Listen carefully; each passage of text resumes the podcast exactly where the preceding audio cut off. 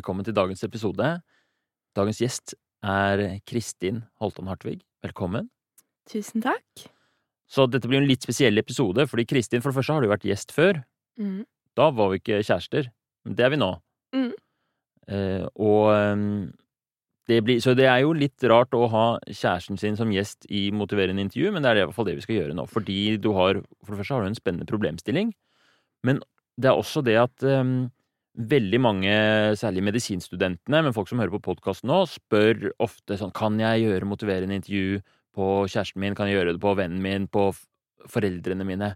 Fordi jeg har lyst til å Ofte så er det sånn jeg vil få vedkommende til å slutte å snuse. Det er den vanligste.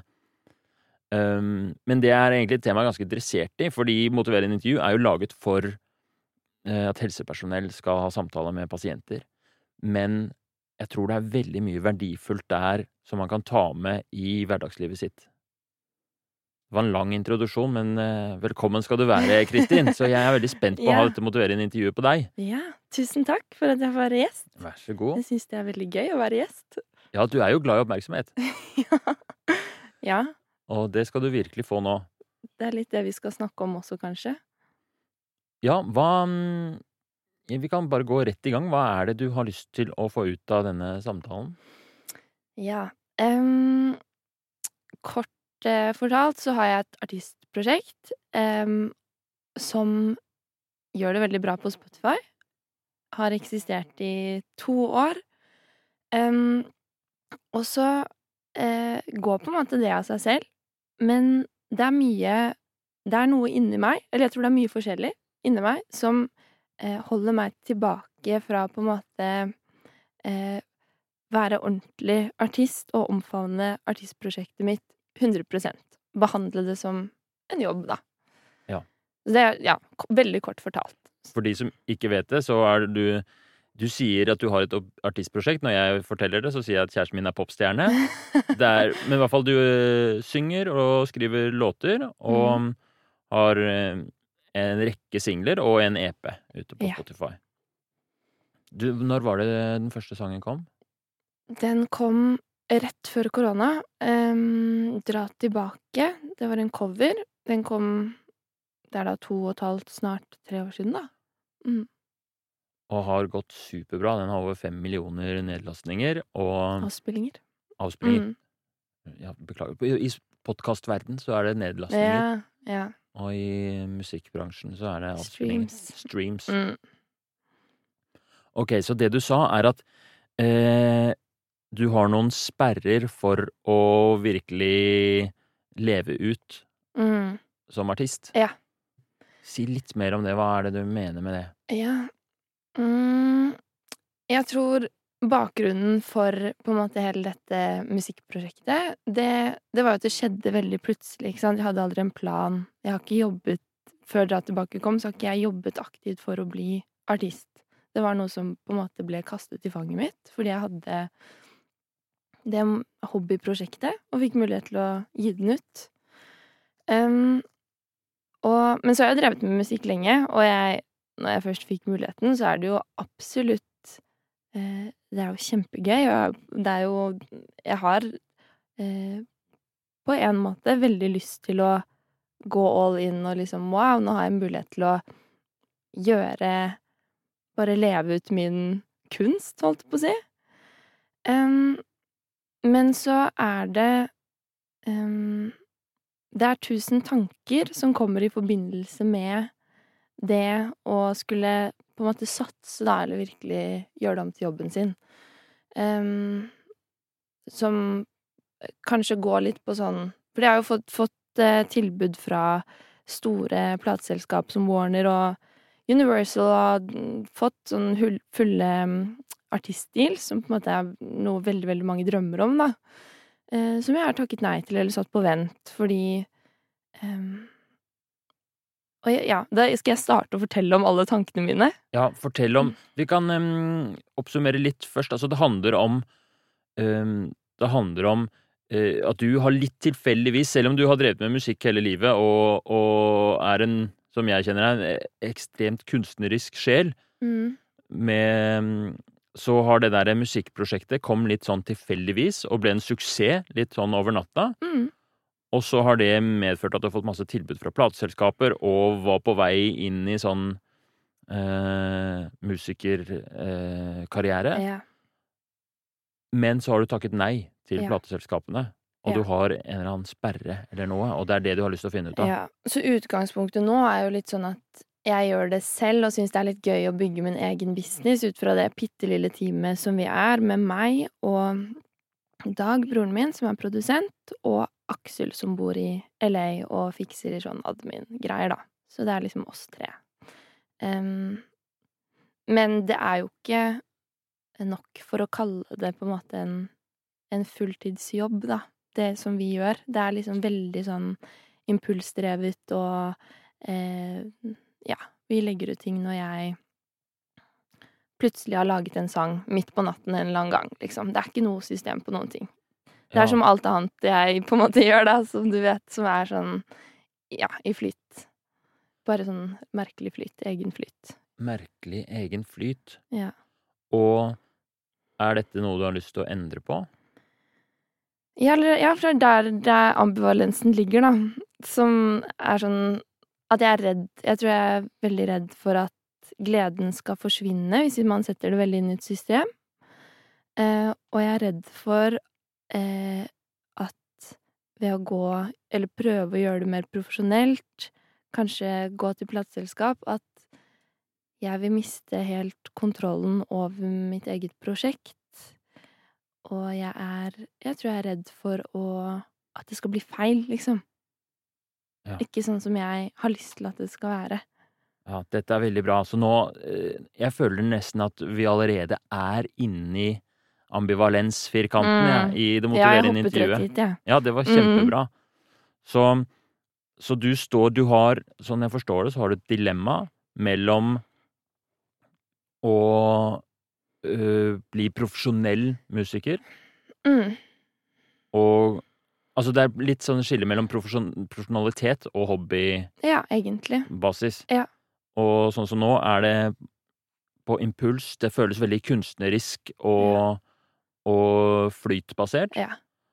Og så mm, er det Det som liksom er mellom linjene her, som ikke du har nevnt noe om, er at eh, det er tydeligvis en eller annen sånn dragning mot å bli profesjonell, og så sa du nå noen um, ulemper. Ja. At du, eh, eller du var redd for at du skulle miste kontroll, Ja. og at du skulle miste gleden. Så vi kan sette det litt i system og gjøre mm, Altså, i et motiverende intervju, det viktigste verktøyet er den derre ambivalent-firkanten, som består av de fire spørsmålene. Og Det Mhm. første spørsmålet er da um, Hva er fordelen ved å fortsette som før? Ja. Så sånn som du har det nå, hva er fordelene med med, mm, med, med det? Ja. Um, fordelene med det, det er at det er trygt. Jeg fortsetter å bevare gleden. Eh, eller jeg kan Jeg kan, eh, kan acte på impuls, da. Når jeg får en eller annen sangidé eller tekstidé eller sånn. Eh, og en følelse av sånn at jeg har full kontroll, eierskap, over det som er mitt. Um, um, det er kanskje det som er tydeligst for meg, da. Som er veldig fordelene med det. Du eier det. Det er din kunst. Mm, Det føles trygt. Ja. Det er noe litt sånn eh, Det er det er noe veldig komfortabelt med det. Ja. Og så eh, Og så slipper jeg jo på en måte å eh, risikere at det blir Ja, jeg, jeg unngår jo Jeg liksom helgarderer meg fra negative erfaringer, da, egentlig. Ja, du slipper Hva er de negative erfaringene, for eksempel? Hva er det du Ja. Jeg kan jo nevne så vidt at jeg var Jeg var innom Jeg har liksom så vidt vært innom eh, Kall det liksom den veldig profesjonelle musikkbransjen. Eh, var på et sånn lite promoteringsbyrå eh, hvor man Hvor de prøvde å eh, Det var helt i startfasen, da. Da var jeg vel Var jeg 21? Og Nei, det var jeg ikke. Ja, 22. Og så mm, eh, var jeg nettopp kommet inn i artistverden, hvor de prøvde å liksom lage en sånn artistskikkelse ut av meg, som ikke var artist da i det hele tatt, egentlig. Eh, som jeg syntes var veldig behagelig, for jeg følte meg veldig sånn presset inn i en sånn typisk eh, norsk ung jente-bås som jeg ikke likte i det hele tatt, da. Ja, du ble Det var ubehagelig fordi du ble liksom eh, Du ble litt branda Ja. uten at du ville det selv, liksom. Ja. Og der, der og da så hadde jo ikke jeg de erfaringene og referansene i det hele tatt som skulle til for å si noe om hva jeg ønsket meg. Så da var jeg litt sånn ja ja, ok, veldig sånn det, det er gøy, og hørte veldig på hva de hadde å si, da. Mm. Du bare ble med på Ok, disse kan det Ja. sikkert. Jeg blir med på Ja. Ergodalbanen. Og Og det- så var det Og det kan godt hende at de hadde hatt noe å komme med for meg hvis jeg hadde vært tydeligere, og hvis jeg hadde vært um, ja, litt eldre, liksom, eller visst litt mer om hva jeg ville, da. Ja. Um, så det kan godt hende at det hadde funket veldig bra nå, men da så syns jeg det var en veldig ubehagelig opplevelse.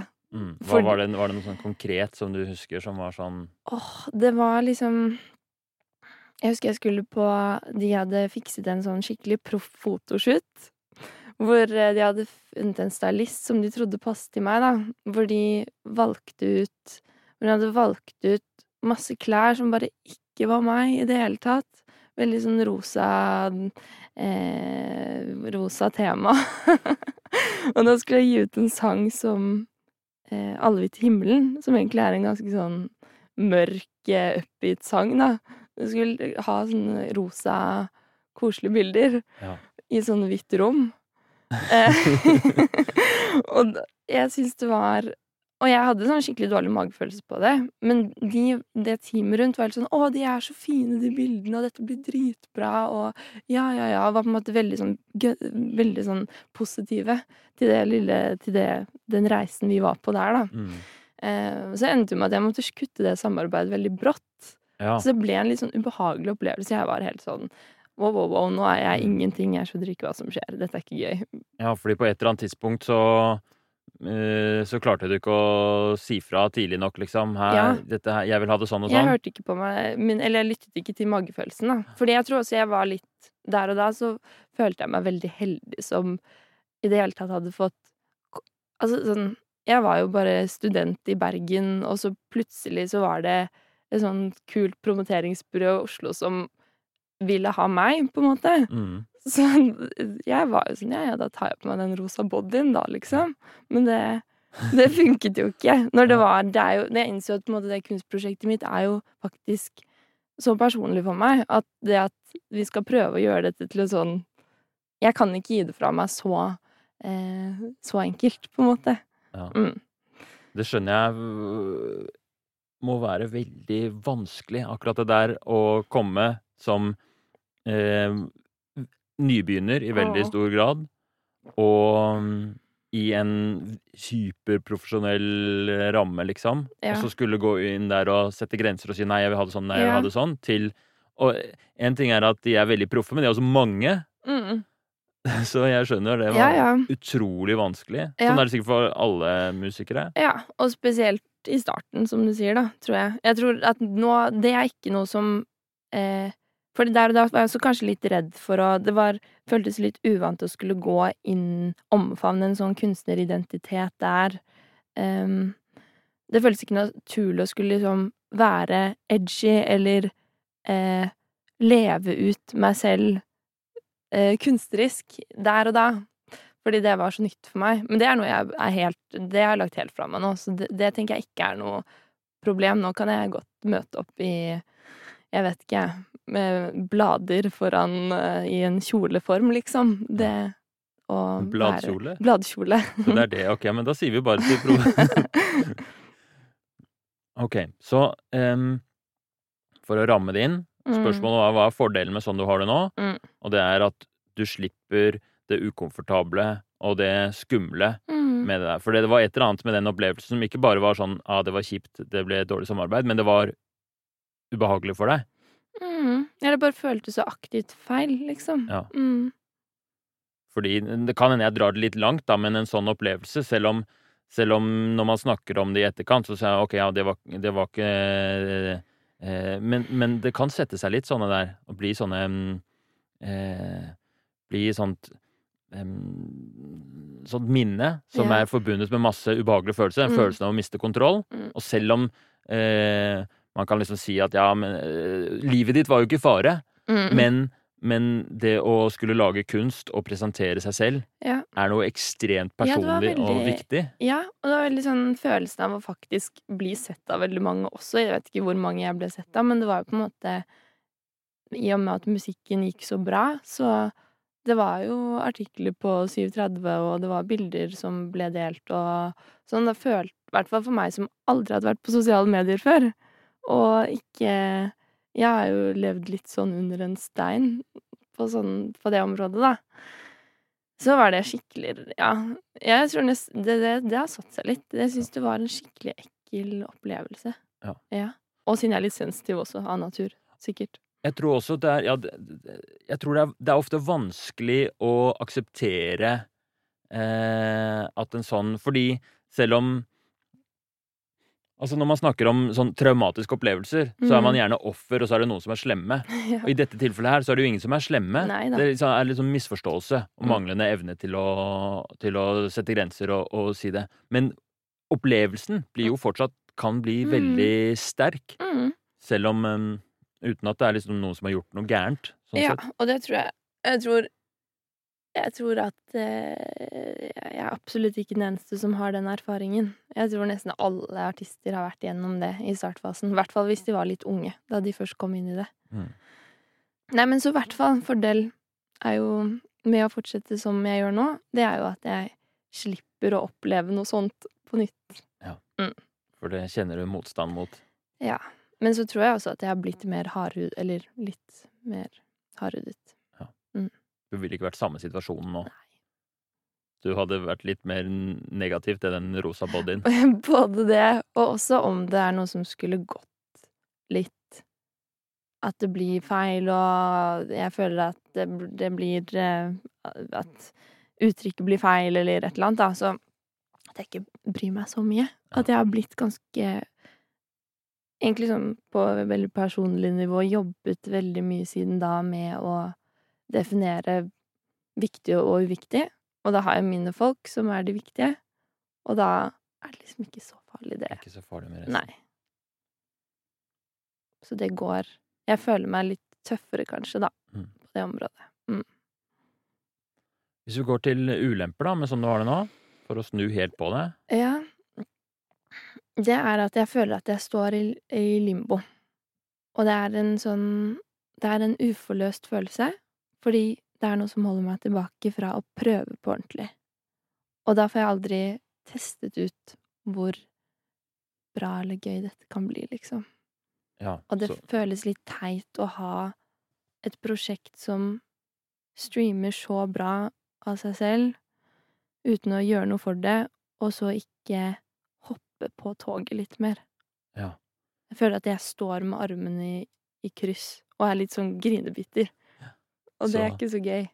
her er det mange Dette, dette er um, Dette er veldig spennende, fordi nå eh, For å beskrive fordelen, nei, ulempen som du har nå, så bruker du flere metaforer. Du er i limbo. ja. Det er et tog som går, som du må hoppe på. mm, Kan vi prøve bare til å begynne Og det er veldig bra å bruke metaforer. ja. og konkretisere litt mer, sånn at jeg forstår akkurat Så at det føles eh, Ulempen er at du ikke får kommet i gang med den musikkarrieren. At du ikke jobber nok med det, liksom. Mm. At du ikke har det som fulltidsjobb. Mm. Mm. Kan du si litt mer um, om de følelsene? Ja. ja, fordi jeg har jo noen ønsker Jeg har jo ting jeg har lyst til. Jeg har lyst til å spille mer live, for eksempel. Jeg har lyst til å um, Jeg har lyst til å um, Hva skal jeg si Um, mm, Jeg har lyst til å bygge et univers, da. Jeg har en eller annen veldig klar idé om hva det der skal være. Musikk, Musikk- musikkuniverset? universet mitt, ja. Skal bestå av mye, mange ulike ting. Sånn både så klart musikk og tekst og visuelt og bilder, podkast. Skal være et helt univers, da, som jeg er i gang med å lage, men at det, det går liksom litt litt for treigt, da, i forhold Ja. til hva det ville vært hvis det var en fulltidsjobb. Det er en utålmodighet der også. Ja, så det er en utålmodighet og en, en følelse av at eh, Eller de følelsene er vel litt at jeg har mange tanker om at sånn Eller jeg er litt for kritisk hele tiden til å Det er sånn at jeg, jeg får ikke prøvd. Jeg får ikke prøvd ut ideene mine fordi det er en kritisk stemme som er sånn Nei, men em, eh, Det ble ikke perfekt, liksom. Ja. Eh, skjønner du hva jeg mener? Eller ja, jeg skjønner hva du mener. Det er en sånn perfeksjonisme som bremser deg. Ja, Er, hva er en type sånn tankeidé som du ikke setter ut i livet? mm, det kan være at eh, At jeg tenker at For eksempel, da, det å skulle gå til noen folk eh, Et management eller noe sånt, som ville eh, hjulpet meg. At det er sånn Å, nei, men da, da mister jeg kontrollen. Og så at jeg er litt, kanskje litt fordomsfull innimellom og tenker sånn at alle i managementverden vil ha liksom De har en veldig egenvilje. Mm. Jeg vet ikke om jeg burde si det her høyt en gang på podkast. Det er kanskje dumt. Men det er eh, Det gir veldig mening for meg, altså eh, Å ha mm, fordommer. Altså fordi fordommer eh, er når du får et syn på en gruppe mennesker, Mm. og så er den ofte basert på mangelfull informasjon. Mm. Eh, og så blir det sånn ja, alle, alle i plateselskap er sånn og sånn. Ja. Og noen fordommer kommer jo fra Altså, man snakker jo om fordommer som kommer fra sånn media, ikke sant? Mm.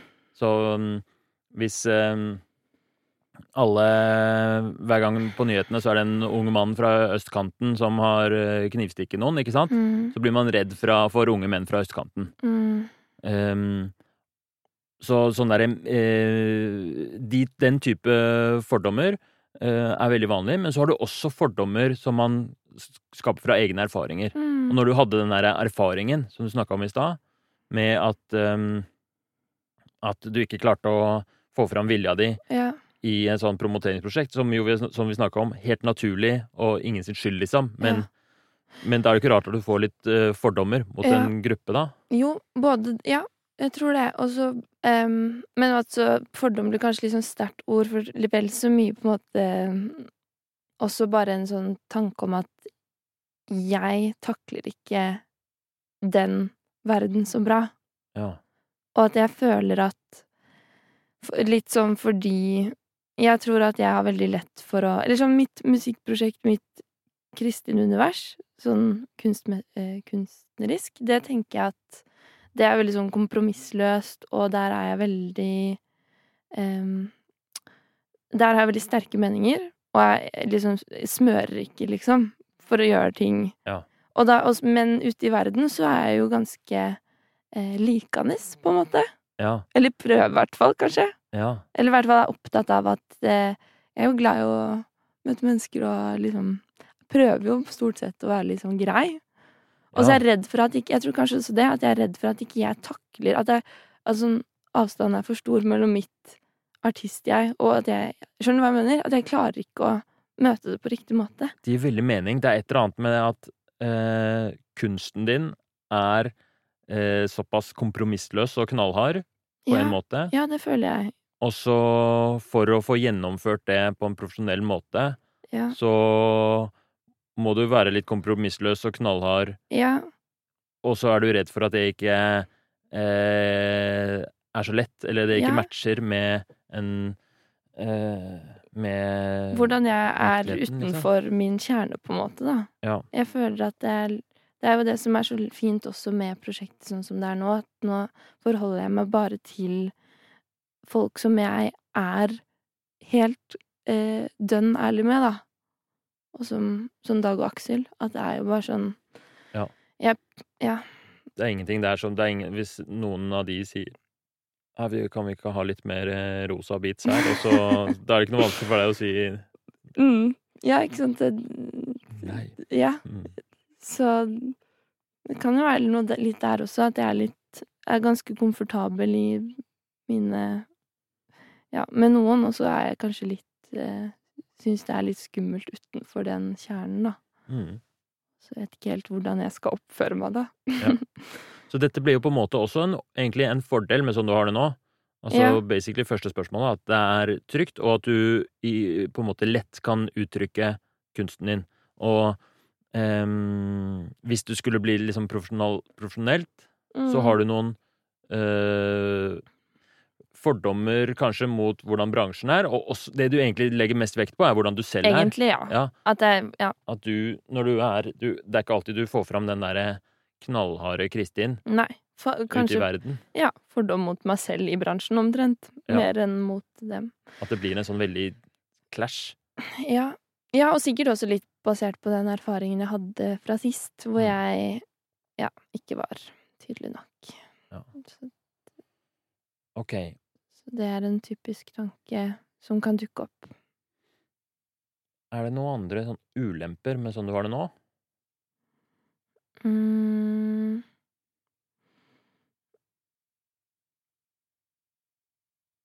Ja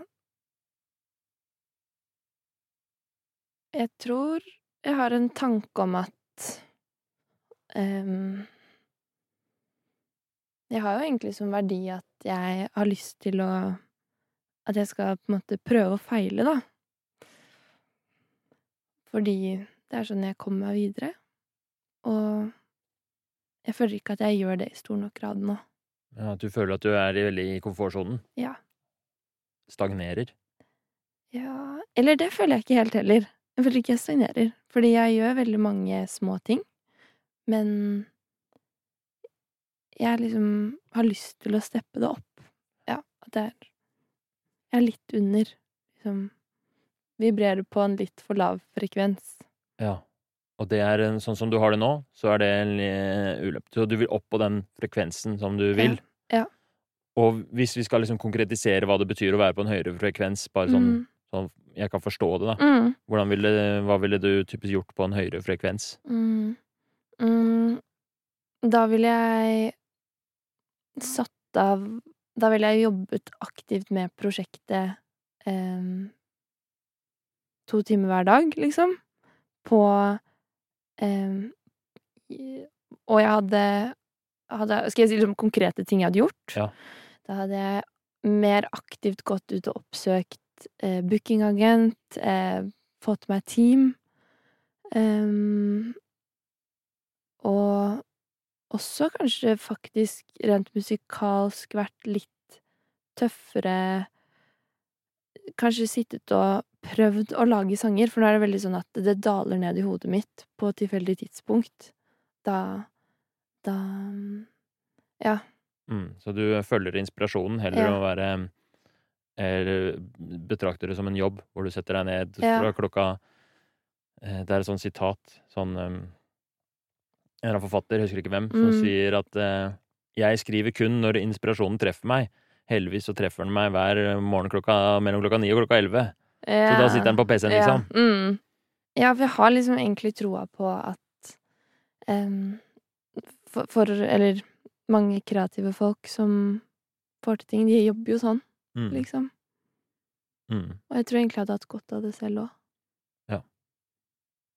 Så det er den ulempen du kjenner på med sånn du har det nå, det er at du er ikke der. Mm. Og det føles komfortabelt, men det er eh, Du føler at de, eh, du kjenner på en eller annen sånn derre at her kunne vært noe mer. Mm. En Mm. dragning mot den derre eh, jobbinga Ja. og produktiviteten og Mm. Ja. På en måte. På en måte. Mm. Hvis vi stiller eh, Så nå har vi spurt om fordeler og ulemper med sånn du har det nå. Nå skal vi spørre om fordeler Da kan det være litt overlapp, men da fordeler med hvis du fikk til en endring, da. Ja. Ja, um, fordelene med endring, det ville vært en um, Det er jo en veldig god følelse å være være en doer, liksom. Um, den, da hadde jeg jo ikke hatt den uforløste følelsen av at ideene og tankene kan sitte litt fast i hodet, og at det bare er en brøkdel som kommer ut, da. Mm. Mm, så det tror jeg det føltes veldig bra. Du har den følelsen Ja. at ideene sitter fast i hodet? Kan du si litt mer om det? Ja, det føles som at de tankene som De liksom kritiske tankene som dukker opp, kanskje er liksom fordekt frykt.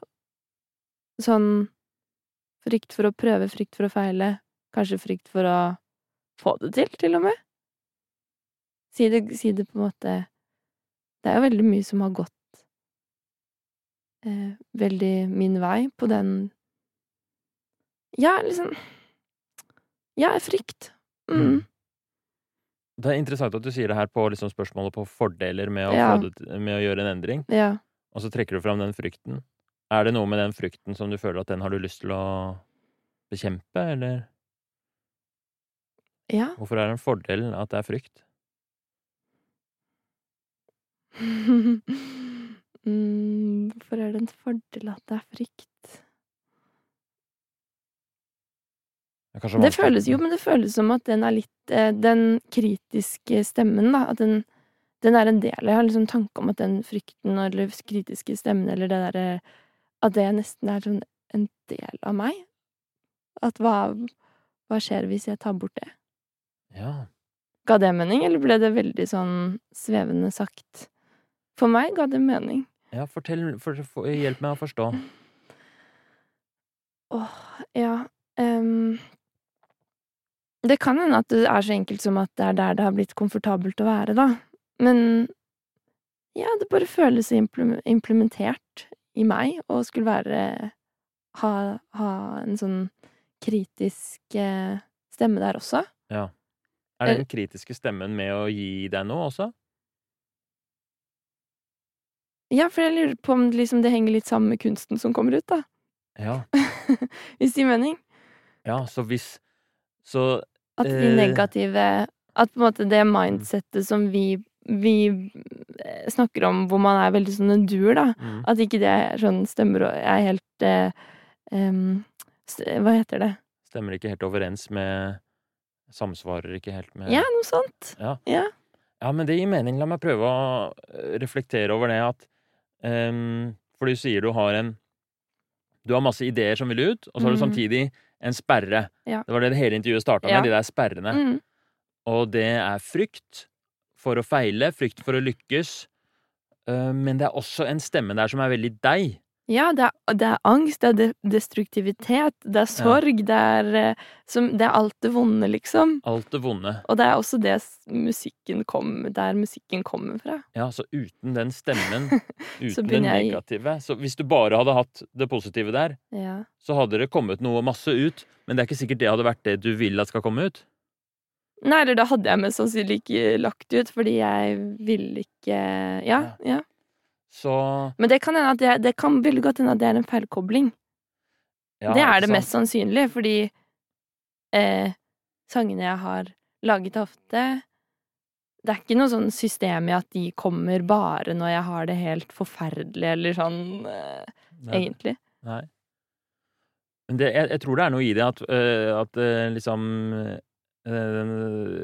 Kunst og kreativitet skapes liksom i et sånt mellomrom mellom I en spenning. Mm. Hvis alt er bare kjekt og om, om Hvis man bare er sånn 'Nå skal jeg skrive øh, tre sanger i dag', Ja. så, så Og den øh, De råeste kunstnerne har jo den der kritiske stemmen veldig Eller det vet jeg ingenting om. Men ok, så vi er på hva hadde vært fordeler med å øh, gjøre en endring, og så snakker du om den derre Om den frykten, og det er noe med Altså, du vil gjerne opp på en høyere frekvens, Mm. og da må du møte den frykten, og så er det nesten som om det er et eller annet litt sånn gøy med den frykten. Eller du smilte litt når du snakka om den.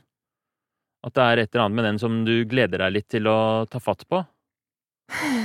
Sånn tolker jeg det ja, det er veldig interessant å snakke om det, fordi jeg ser det veldig tydelig nå selv. At det er sånn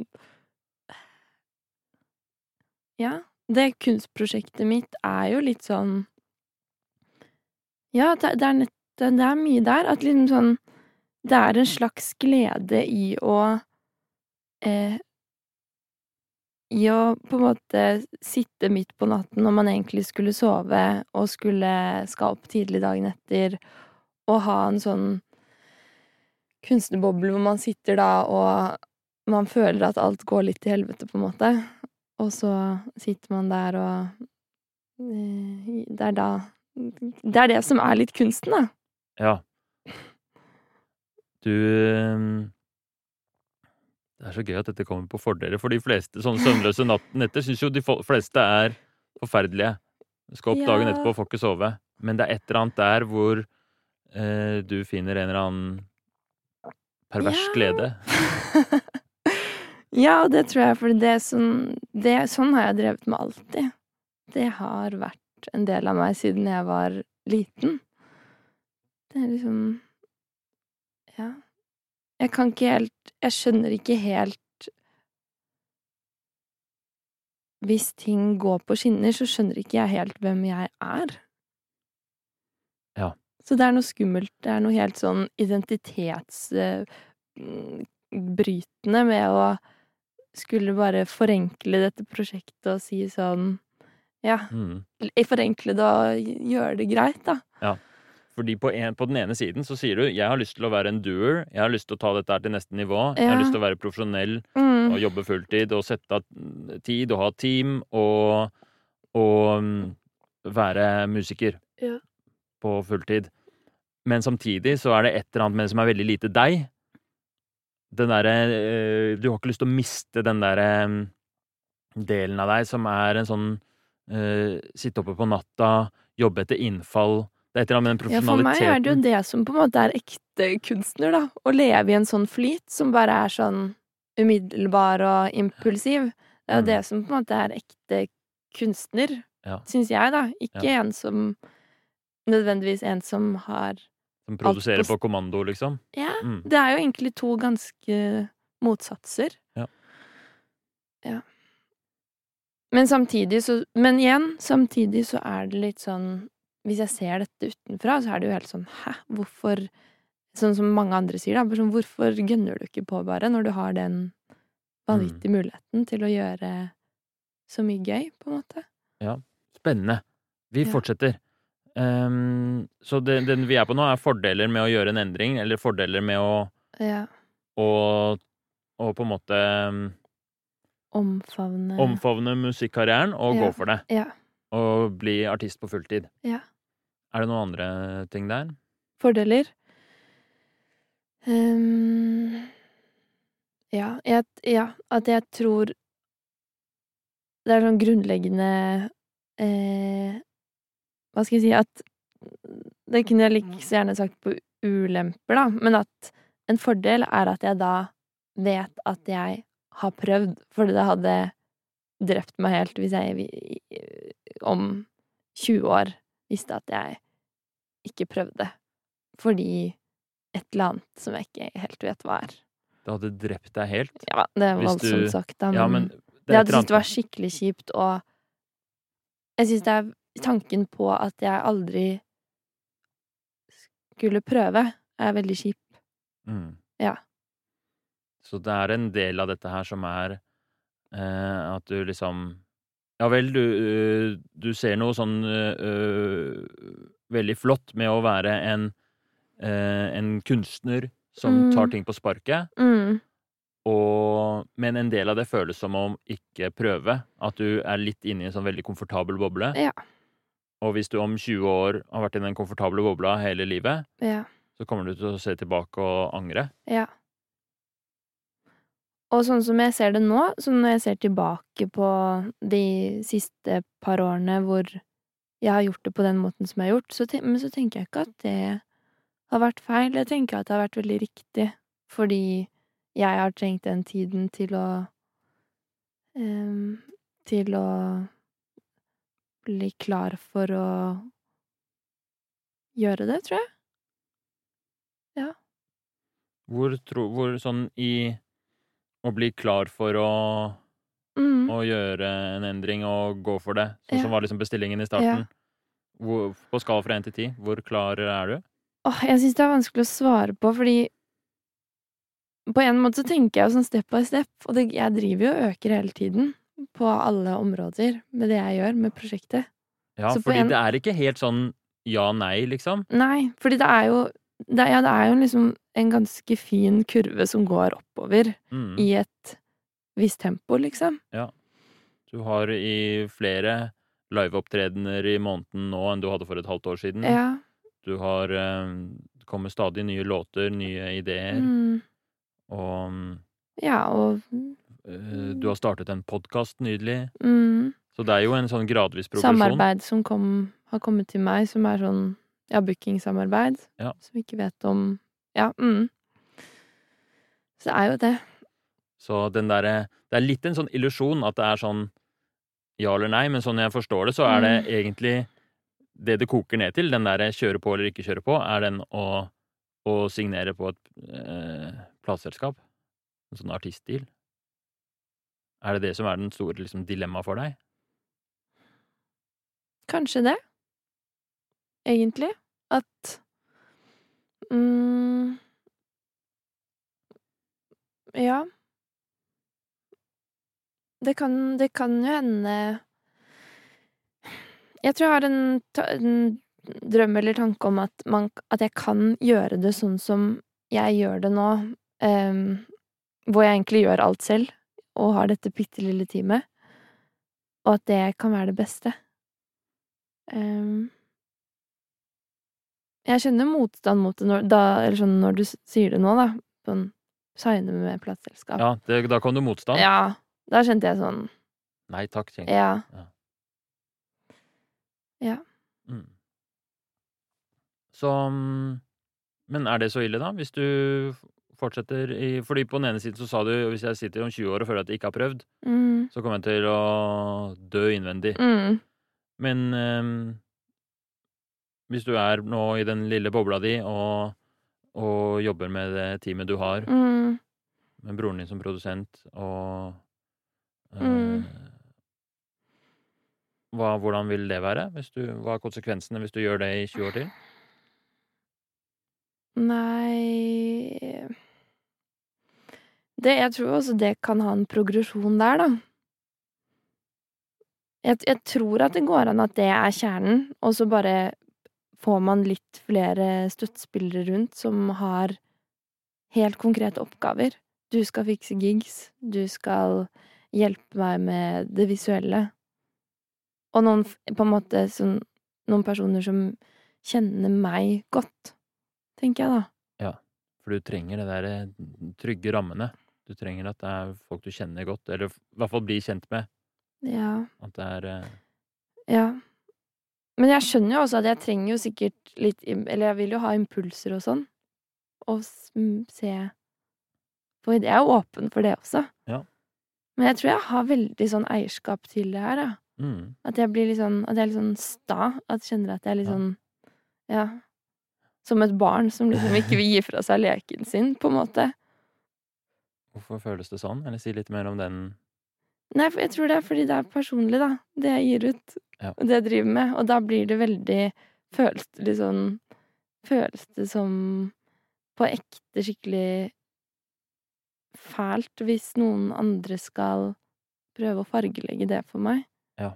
Det blir, det blir veldig inntrengende, da. Det er veldig interessant. Det er, hvis jeg får prøve meg på en liten refleksjon, en mm. tolkning. Så i starten så var det liksom bestillinga Jeg vil eh, Jeg vil bryte noen barrierer, noen sperrer, som hindrer meg i å gjøre dette fullt ut. Mm. Eh, li, ehm, også snakket om en av de sperrene. Det kan være frykt. Og særlig sånn frykt for å miste kontrollen. Mm. Og knyttet veldig tett opp til en erfaring du hadde med, eh, med musikkbransjen tidligere. Mm. At du, da du var 22 og naiv, på en måte, så ble det Mm. veldig feil. Mm. Og mm, så ble det veldig tydelig nå, når liksom Når eh, Når det ble snakk om signere plateselskap eller ikke, Mm. Da kom det fram ganske sånn tydelig stahet. Sånn, nei, jeg vil gjøre det selv. Dette Ja. er min gruppe. Jeg vil Ja. ikke Og det kom et veldig klart bilde av et barn som ikke vil gi fra seg leken sin. Ja. Det ble veldig sånn derre eh, Veldig sånn basic følelser. Ja. Altså sånn basale Ja. følelser. Og at det er eh, helt klart noe sånn veldig eh, sterkt En sterk sånn sperre knytta Mm. til det med et plateselskap. Ja. Mens det du sier, det du vil ha, er jo Du vil ha eh, noen som hjelper deg med det visuelle, Ja. noen som hjelper med booking, og mm, eh, kreative samarbeidspartnere som har Ja. konkrete oppgaver. Ja. Det hadde vært helt perfekt. det hadde vært helt Mm. perfekt. Så eh, Men hva er et plateselskap, og hva er det, det du beskriver, liksom? Mm.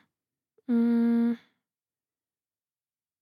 Det kan godt hende at det eh, Igjen at det er litt mine fordommer, da, mot Det kan godt hende at det, at det er nettopp noe sånn jeg kan finne i et plateselskap. Jeg, jeg vet ikke noe Nei. om den bransjen, da, men eh, det hører Altså, sånne profesjonelle samarbeid Ja. eh, er jo opp til deg å definere Ja.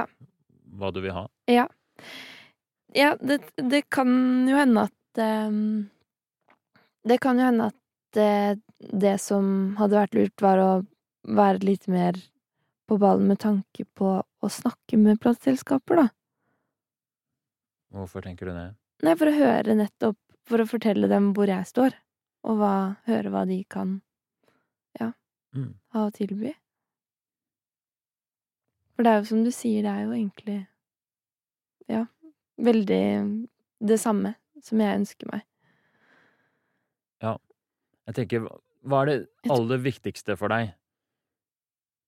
Jeg bare, jeg bare sier at for Umiddelbart så Mm. dukker det opp sånn tanke om at sånn åh Eller jeg får sånn eh, får sånn Det skyller over meg sånn mutthet når jeg hører ordet plateselskap, fordi jeg, blir, fordi jeg ser for meg sånn åh, at er, da blir det så utrolig mye ting som jeg må gjøre som jeg syns er dritt, da.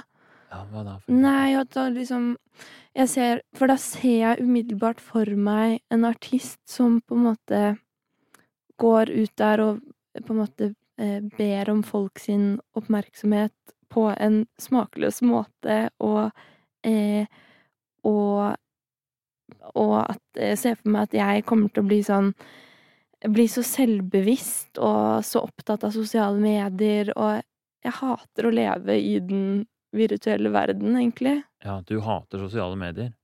Ja, jeg er ikke noe Jeg syns det er kjempegøy med kunst. Jeg elsker å male, jeg elsker estetikk, alt som Ja, det digger jeg. Jeg kan også like å ta bilder, men jeg hater å forholde meg til teknologi, Mm. egentlig. Og det har du veldig tett knyttet til altså Ja, jeg når- ser bare for meg en gjeng med folk som sitter og tapper på Snapchat og liksom eh, Ja, jeg får helt sånn fnatt bare av tanken. Det kommer Bare si ordet. Ja, og så ser jeg for meg liksom på en måte kule ungdommer.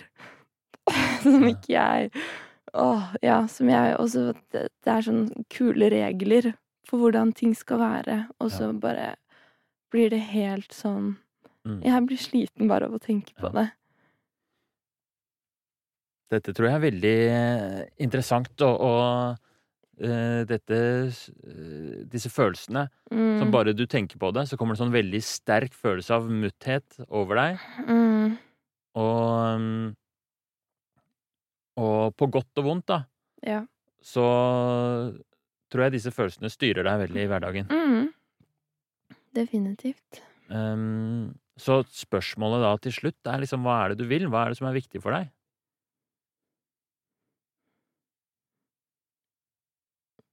Jeg har skikkelig drive på mitt eget musikkprosjekt og mitt eget musikkunivers. Og så har jeg skikkelig mm, lyst til å utfordre meg selv litt mer. Um, og jeg, det jeg føler, som jeg sitter og føler nå, er at jeg bare må Fordi de tingene jeg snakker om, er jo ikke så farlig hvis, hvis jeg er tydelig nok, og på en måte Det er jo ingen som kan bestemme over meg, faktisk. Så det er jo litt sånn Hvis jeg bare har tiltro til meg selv og tror at jeg er tydelig nok og kan komme med mitt, da, på Eller på bestille mitt, liksom, Og ta det jeg vil ha, på en måte. Eller sånn ta imot det jeg vil ha, og la det andre gå, liksom. Ja. ja, fordi du sier du kan bestemme selv. Det er ingen som kan fortelle deg, det er ingen som kan si til deg bestemme over at du skal på, sitte på Snapchat. Nei. Du velger det selv. Mm. Men du hadde den følelsen med en erfaring fra tidligere, da, hvor du plutselig var i den situasjonen at du Alt var så profesjonelt og så så fullt av energi, så du ble satt i den situasjonen Ja. hvor du plutselig skulle sitte der på Instagram og legge ut bilde som du ikke var fornøyd med, med Mm. rosa body i et hvitt rom. mm. Men det, Ja. Nei, det, det håper jeg jo ikke at kan skje igjen. nei, det kan ikke skje igjen, fordi det er du som bestemmer. Ja. Ja, nei, så kan det hende at, at eh, Eller hører det litt nå, da, at de tingene som jeg er redd for å peke på, at det Det er jo egentlig irrelevant, bare. Hvis jeg er trygg nok og tydelig nok i meg om det jeg ønsker. Jeg må faktisk Ja. Mm. Og da blir det ikke så farlig. Ja, det er ikke så skummelt, egentlig. Så den følelsen du sitter igjen med nå, er litt sånn Det føles skummelt, men når du tenker nok gjennom det, så er det ikke så skummelt, fordi du vet at du Mm. til syvende og sist så er det du som bestemmer. Ja. Men eh, ja, altså, den frykten din er jo også klok, da, ikke sant? Det er jo en grunn til at den finnes. Det er jo fordi eh, Altså, det er sterke krefter der ute, så det kan jo hende at Du vil jo beskytte deg mot Mm. å havne i en situasjon hvor det blir veldig krevende for deg å, å, å beskytte musikkprosjektet fra Mm. påvirkning og fra Ja. å være For du har jo en veldig tydelig tanke om hvordan det skal være. Ja, og også mye glede i det. Så det føles også Det føles viktig for meg, helt uavhengig av responsen, så er den gleden i seg selv viktig. Ja. Og da For meg. På et veldig personlig nivå, da. Mm. Mm.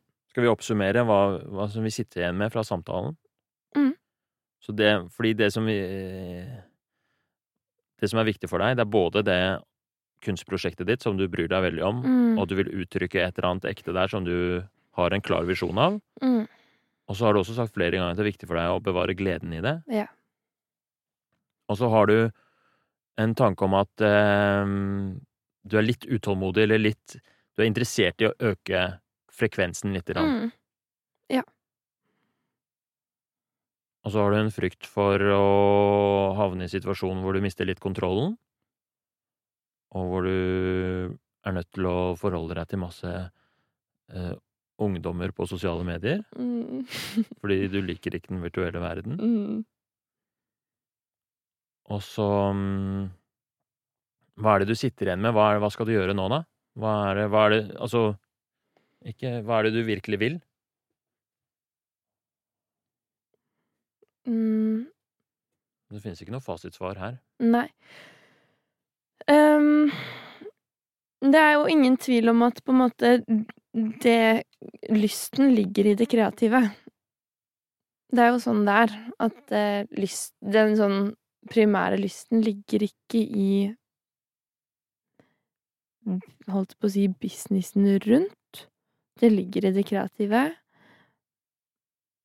Men jeg skjønner at på en måte At det henger sammen. Og jeg har lyst til å Jeg har jo lyst til å møte andre skapere, egentlig. Så det jeg har, kjenner at jeg har lyst til, det er å gå litt mer ut i verden. Ta møter eh, med folk. Og snakke med folk, og på en måte se hva som oppstår. Uten å binde meg til noe umiddelbart, et stort plateselskap bare fordi det høres kult ut, eller noe sånt. Ja. Men kanskje ja, ha møte med mange forskjellige plateselskaper, da, små og store, og så se om det er noen folk som jeg connecter med. Ja, fordi når du connecter med mennesker, det er noe litt annet enn Eller eh, Det veit jeg fra å ha snakka med deg før, da, men du Mm. er jo ofte i fyr og flamme over å møte en eller annen spennende person Mm. Mm. eh, som har eh, spennende ideer. Ja, så da kan jeg på en måte At det vil jo på en måte være Jeg tror Ja, det, det kjenner jeg at jeg har lyst til. Å eh, vise mitt, og være skikkelig ærlig. sånn som jeg er nå. Men først og fremst fokusere i et sånt møte, da, fokusere på det faktisk kreative. Mm. Liksom vise frem musikken og kunsten og alt jeg syns er kult og gøy. Fordi det er det profesjonelle rundt, det der med å få masse eh, sosiale medier, oppmerksomhet og sånn, det Mm. ikke så viktig for deg. Nei, jeg, ikke på den Eller jeg bare syns Jeg føler at den Det å gå den veien Og det er også litt fordi jeg har sett noen folk eh, Artister og sånn blir veldig oppslukt i det, da. Som ser veldig vondt ut. Ja. Og blir veldig sånn det, Ja, det ser veldig vondt ut å bli veldig opptatt av det derre å skulle skape seg en eller annen persona. Ja, hvordan da? Nei, sånn å sitte og jobbe, jobbe med å skape seg selv på Instagram og Ja. ehm, Ja, bli veldig opphengt i responsen, på en måte, da. Mm.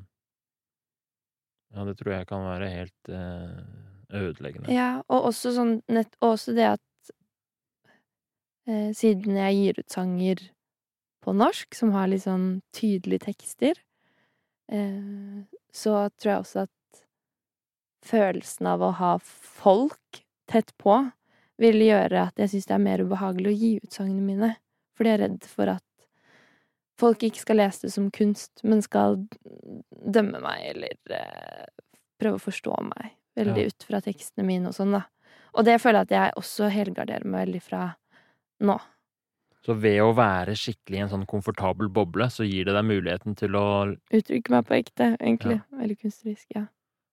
Så på en måte så har du lyst til å utvide den bobla litt, men du er veldig Du vil ikke at den skal sprekke, sånn at det inni Ja, for jeg vet bevarer at ektheten sin. Mm. For jeg vet at Jeg vet jo også at jeg er eh, Ja, jeg, jeg, jeg tror det er noe som lett kan sprekke det, hvis jeg opplever altfor mye sånn derre En følelse av Jeg blir stressa, da, hvis altfor mange kommer for tett på. Sånn, ja, er det. Tusen takk. Dette her har vært veldig spennende for meg. Jeg har, vært, jeg har, eh, jeg har lært masse om hvordan du tenker og hvordan du føler rundt det. Mhm. Så veldig takk for at du har delt. Ja. Um, jeg tenkte jeg tenkte vi skulle runde av nå. Har du noen liksom, avsluttende Hva sitter du igjen med fra samtalen? Jeg sitter igjen med at eh, jeg skal faktisk fortsette med Jeg skal fortsette på denne reisen min, hvor jeg, jeg fortsetter å være litt Kall det litt sånn streng med hvem jeg slipper inn, og hvem jeg Ja, jeg skal fortsette med dette lille teamet mitt, men jeg skal gå mer ut i verden på egen hånd. Så jeg skal være Det jeg skal gjøre, er at jeg skal sende meldinger nå til ulike plateselskap og em, bookingagenter og ha møter. Møte folk i virkeligheten. Folk i bransjen. Hvorfor smiler du? Nei, det var bare morsomt med liksom resultatet av et motiverende intervju at jeg skal ha møter. det har vi aldri hatt. Men det, det gir veldig mening, så beklager at jeg avbrøt. Ja, men også skal jeg eh, Og så skal jeg eh, delta på eh, litt flere sånn events hvor jeg møter andre folk. Så jeg får liksom følelsen av menneskene og ja. Vi skal hoppe litt mer ut i verden. Føler du at um, At det er uh, Føler du at det hadde noe å si å snakke om dette her? Sånn med tanke på de derre For det er, er det dette du har hatt barrierer mot? Altså du starta med 'jeg ønsker å snakke og kanskje uh, finne ut av noen sånne barrierer mot mm. å ta det videre? Ja. At du har hatt en sånn barriere mot å ut og, og, snakke med folk, og har liksom gjemt deg litt inni bobla di? Ja, egentlig. Men jeg syns også det var fint å eh, Jeg syns også det var fint å eh, på en måte Jeg hadde kanskje trodd at dette eh, intervjuet kom til å ende med at jeg følte veldig motivasjon til å liksom bare Nei, nei, hoppe ut i det, slippe alt. Men jeg kjenner veldig tydelig at de grensene jeg har rundt mitt eget musikkunivers, at det er riktig. Ja, For det er det som er meg. Hvis Mm. ikke de er der, så er det Ja. ingenting. Og jeg har ikke noe behov for å liksom Du startet med å si at jeg er glad i oppmerksomhet, og ja, men ikke for oppmerksomhetens skyld. Ja. Absolutt ikke. Det skal være noe jeg står 100 inne for. Jeg tror det er noe av grunnen til at noe av det går så bra som Mm. det gjør også. Så på en måte, for å fortsette sånn i metaforens land, så noen av de grensene som du vil utforske Nei, barrierene som du vil utforske, viser seg å være Det er egentlig grenser Ja. som er viktige for deg. Det er kjempeviktig. Ja. Og det ville være et nederlag på et personlig plan. Og Gi slipp på det. Ja, faktisk. Og at jeg nesten er litt stolt av det. Selv om Og at jeg føler meg litt fet som står i det jeg står i. På den måten jeg gjør det. Overfor meg selv. Det tror jeg ikke du er alene om å synes at du er. Eller jeg er i hvert fall også veldig imponert over eh, hvor tydelig musikkprosjektet er, og hvor tydelig grensene er, Mm. og eh, og den derre motstanden du har. Det er noe veldig Det gir mening. Ja, jeg tror det er en styrke i det, og at den, den skal jeg bruke til å fortsette å gjøre det på min måte. Bygge det step by step. Men steppe opp frekvensen litt med å tørre å møte folk og gå ut i verden og vise, vise det jeg har. Mm. Fantastisk. Tusen takk for at uh, du ville være med. Tusen takk. Lykke til. Tusen takk. Det var veldig gøy. Bare å si fra hvis vi skal ha en uh, samtale til. Ja, Følg opp. gjerne.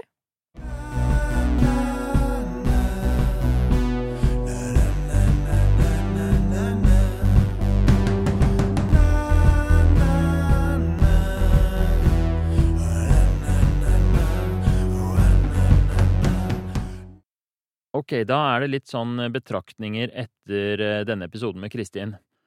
For det første, eh, dette var jo da et motiverende intervju som jeg hadde med kjæresten min. Og ganske mange av gjestene i podkasten tidligere også har jo vært, eh, har vært venner og sånn.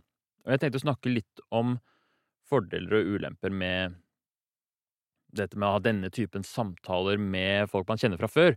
Som jeg sa helt i innledning, så er det motiverende intervjuverktøy er designa for helsepersonell, og, og at man skal snakke med pasienter.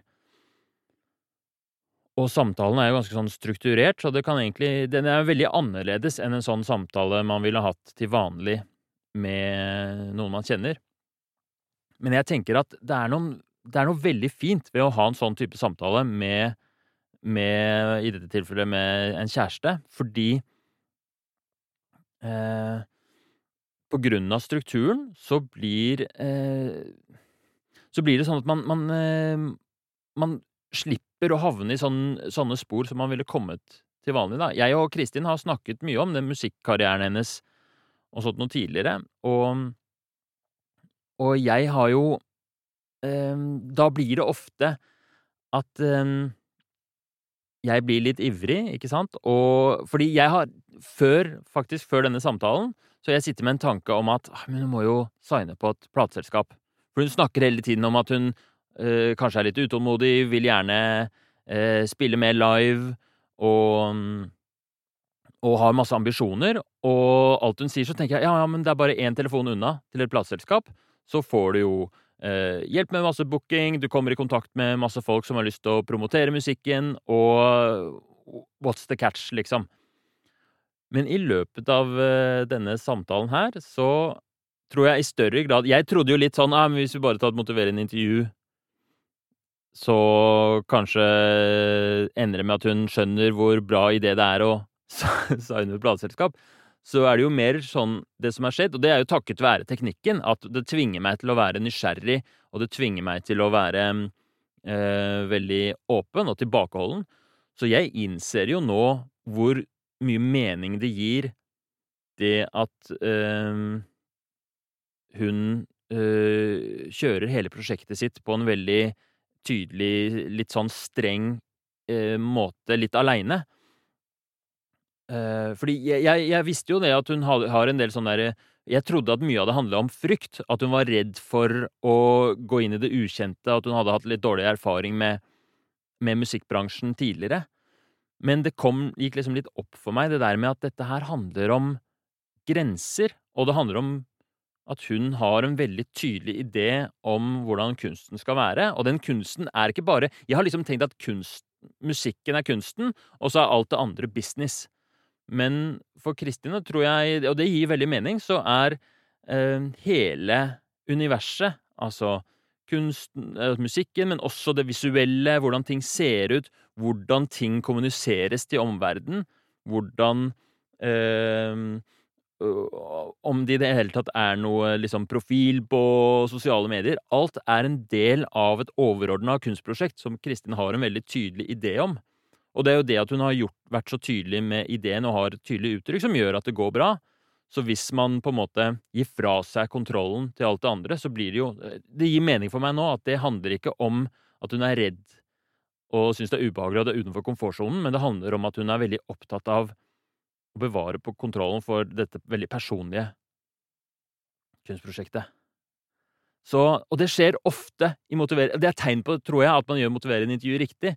Det er at samtalen Det er ikke bare bevegelse hos pasienten, men også hos den som snakker. Det skjer jo ofte med pasienter òg, At jeg plutselig skjønner at ja, det gir mening at du røyker eller tar amfetamin, eller at du eh, At du ikke trener.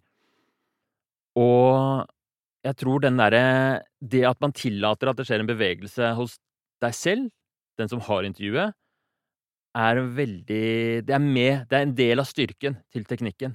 Fordi hvis jeg er villig til å bevege meg, så er det også Så gjør rammen veldig trygg for at, for at eh, her står man fritt til å eh, bevege seg, på en måte. Hvis det ga mening. Så min drøm er jo at alle som hører på denne podkasten, eh, vil prøve å ha et motiverende intervju med en de kjenner. Fordi jeg tror det ligger så mye verdi i det å bryte litt opp i måten vi snakker med hverandre på. Fordi sånn eh, Det er så mange eh, vennskap og forhold og relasjoner og familierelasjoner og kollegarelasjoner som er så preget av en sånn derre jeg har den meningen, du skjønner ikke hvorfor dette er det lure, og jeg har den meningen, du skjønner ikke hvorfor dette er det lure.